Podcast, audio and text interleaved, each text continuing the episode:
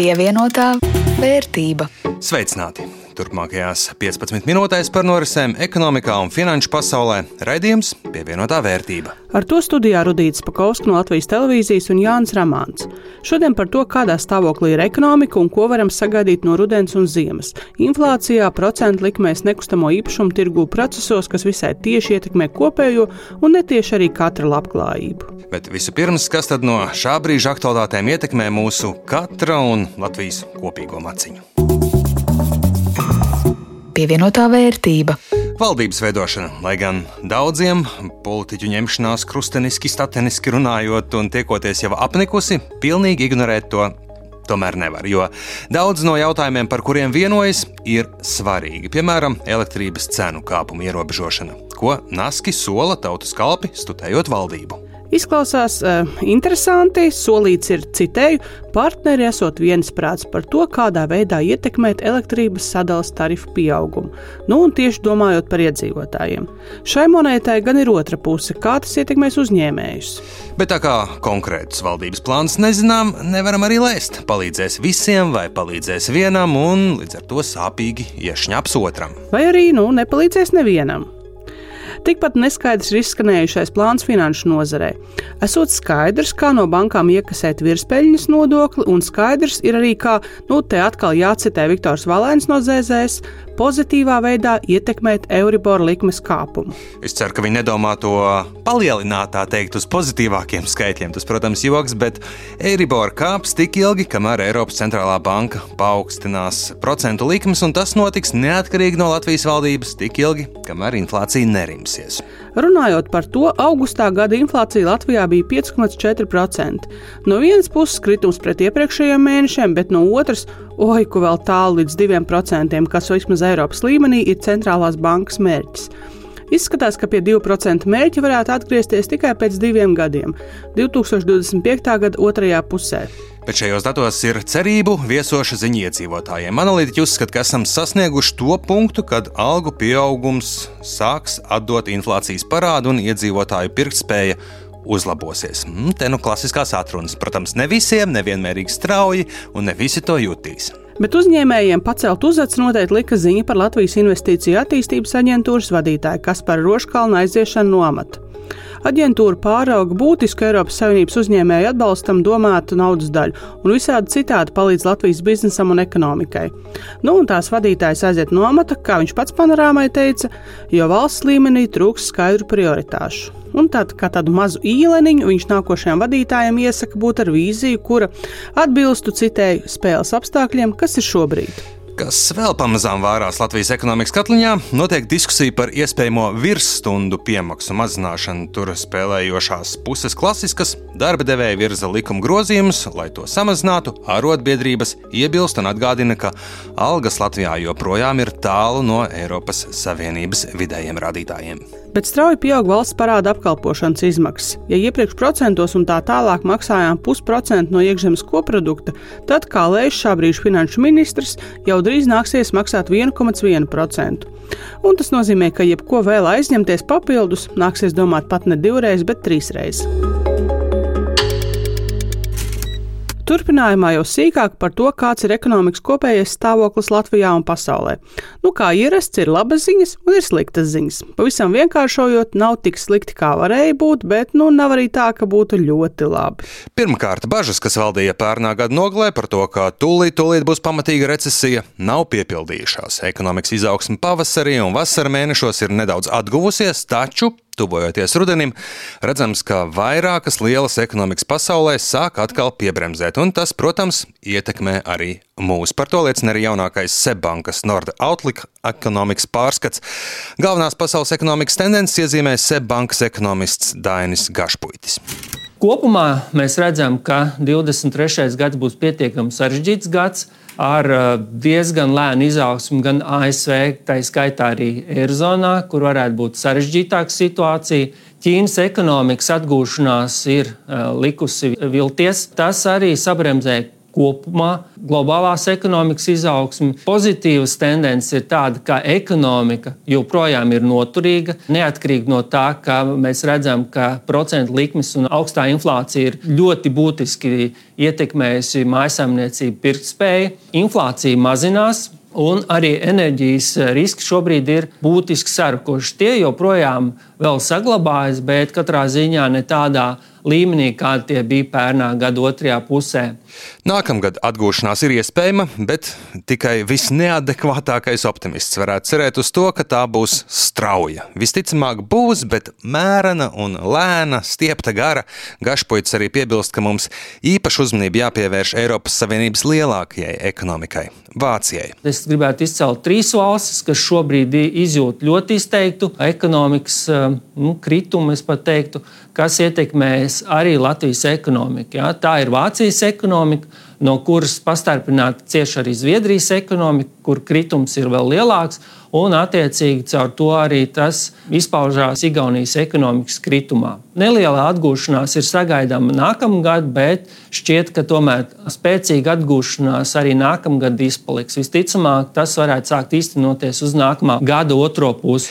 Viens no iemesliem, kāpēc Vācijas ekonomikai iet grūti, ir apstrādes rūpniecības kritums. Ja Covid laikā globāli un arī Latvijā vairāk patērējām, ja pirkām dažādas preces, tad tagad, kombinācijā ar augsto inflāciju, vairāk naudas tērējam pakalpojumu sektoram un jaunas preces atļaujamies mazāk. Inflācija ļoti būtiski ietekmē enerģijas cenas, un tuvojoties augstākiem mēnešiem, te atkal bažas pieaug. Skaidrs, ka energoresursu cenas augs, taču, ja var tā teikt, šoreiz jau saprātīgākos līmeņos. Šeit vienmēr ir zināms spēle starp piedāvājumu, pieprasījumu un tā tālāk eh, kas nozīmē to, ka cenas turpinās svārstīties, bet eh, mūsu prognozes ir, ka nedaudz tomēr, eh, bet turpmāk arī naftas cena nākamgad varētu pieaugt. Attiecībā uz gāzes cenām šobrīd gāzes krātuves Eiropā ir nepieredzēti augstā līmenī jau piepildīts, kas samazina spiedienu uz gāzes cenu. Bet tā kā gāzes krātuves var nodrošināt tikai aptuveni trešdaļu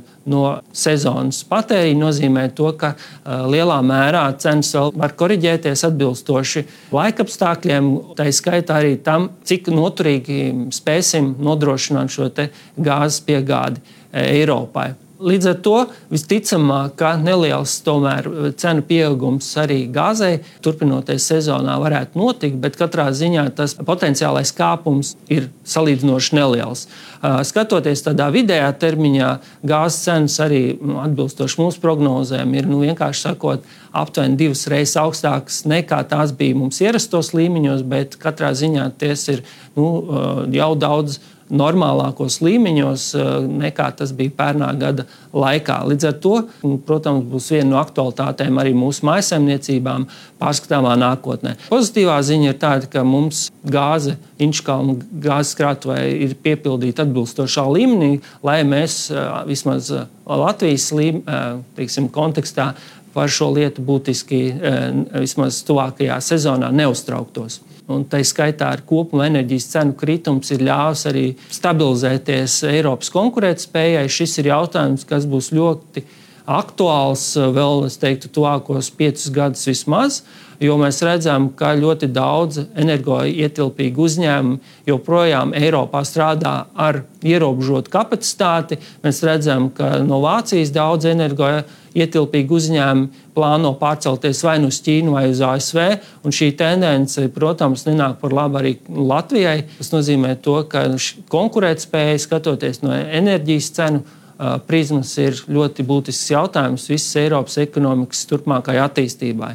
Līdz ar to situācija ir krietni stabilāk skatoties no mājsaimniecības puses, ja, bet skatoties no ekonomikas, no uzņēmējas skatu punkta, šis jautājums joprojām ir ļoti aktuāls. Ja, jo globāla konkurētspēja, tīpaši dēļ tā, ka Eiropa ir eksportējošs reģions, tas ir ļoti svarīgs faktors. Raugoties nākotnē, Latvijas ekonomikā būtiska loma būs būvniecības sektora izaugsmai un spējai apgūt Eiropas Savienības fondu naudu. Te, protams, ne viss ir atkarīgs no pašas nozares, daudz noteiks saprātīga valsts politika un birokrātiskie procesi. Būvniecībā lielais cenu kāpums ir pāri, un tas varētu iedrošināt arī privātā sektora aktivitāti. Un, protams, būvniecībā šobrīd veidojas salīdzinoši nu, tādi labvēlīgāki apstākļi, jo mēs redzam, ka arī izmaksas lai arī turpina pieaugt, bet eh, šis eh, nu, lielākais pīķis ir aiz muguras, kas nozīmē, to, ka vismaz attiecībā uz būvniecību šie apstākļi stabilizējās.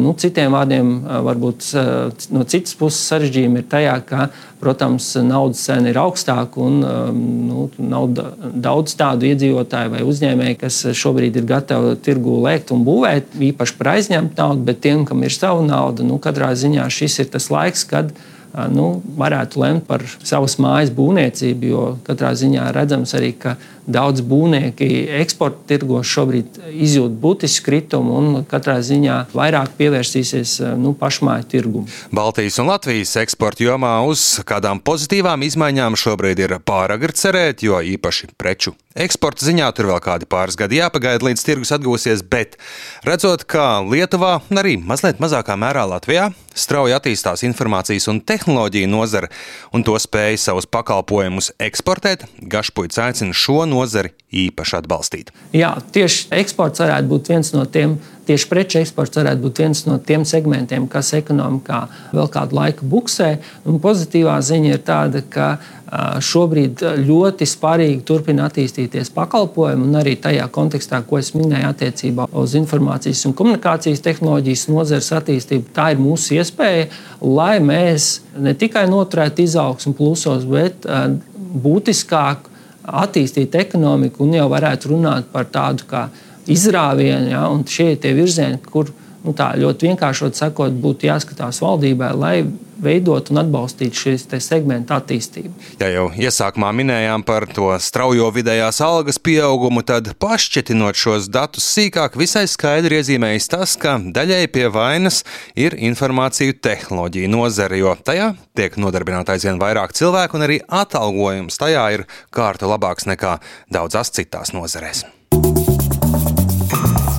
pievienotā vērtība. Un vēl noslēgumā ielūkosimies, kas notiek Baltijas valstu biržās. Aizdītajā nedēļā kāpums reģistrēts tikai Tallinā. Rīgas biržas indeks samazinājās par 0,86%, Viļņas biržas indeks leju par 0,23%, savukārt Tallinas biržas indeks augšu par 2,29%. Ja jau tik laba nedēļa Igaunijai, tad uh, steidz skatīties savā portfelī, Rudīt, vai esmu tevi noķēris, jo man Kā zināms, daudz igauņu uzņēmumu tajā. Un, uh, tiešām nedēļa ir bijusi laba. Man 7 eiro klāt, Tallinka akciju cenu kāpums turpinās. Beidzot, arī Enefit Green pieaugums turās zaļš, un šobrīd 447 eiro un 1 cents ir mana portfeļa kopējā vērtība. Kā tev? Nu jā, man pret pērn nedēļu neliels kritums, bet kopējā vērtība 453 eiro un 41 cents. Tā kā joprojām esmu līderos, bet jāatzīst, distance sāk kļūt satraucoši maza. Jā, nu pievilcis tuvāk esmu, bet šķiet tas, ka Igaunijas ekonomikai Baltijā šobrīd klājas visšķābīgāk, tomēr ir skaidri redzams arī manā portfelī. Ar to arī skan raidījums pievienotā vērtība. To jums veidoja Rudīts Pakauska no Latvijas televīzijas un Jānis Ramāns. Par labskaņu rūpējās Renārs Šteimanis. Uz tikšanos pēc nedēļas tik atgādināšu, ka šo un citus raidījumus varat atrast un noklausīties arī Latvijas radio mājaslapā, raidierakstu vietnēs un arī Latvijas radio aplikācijā.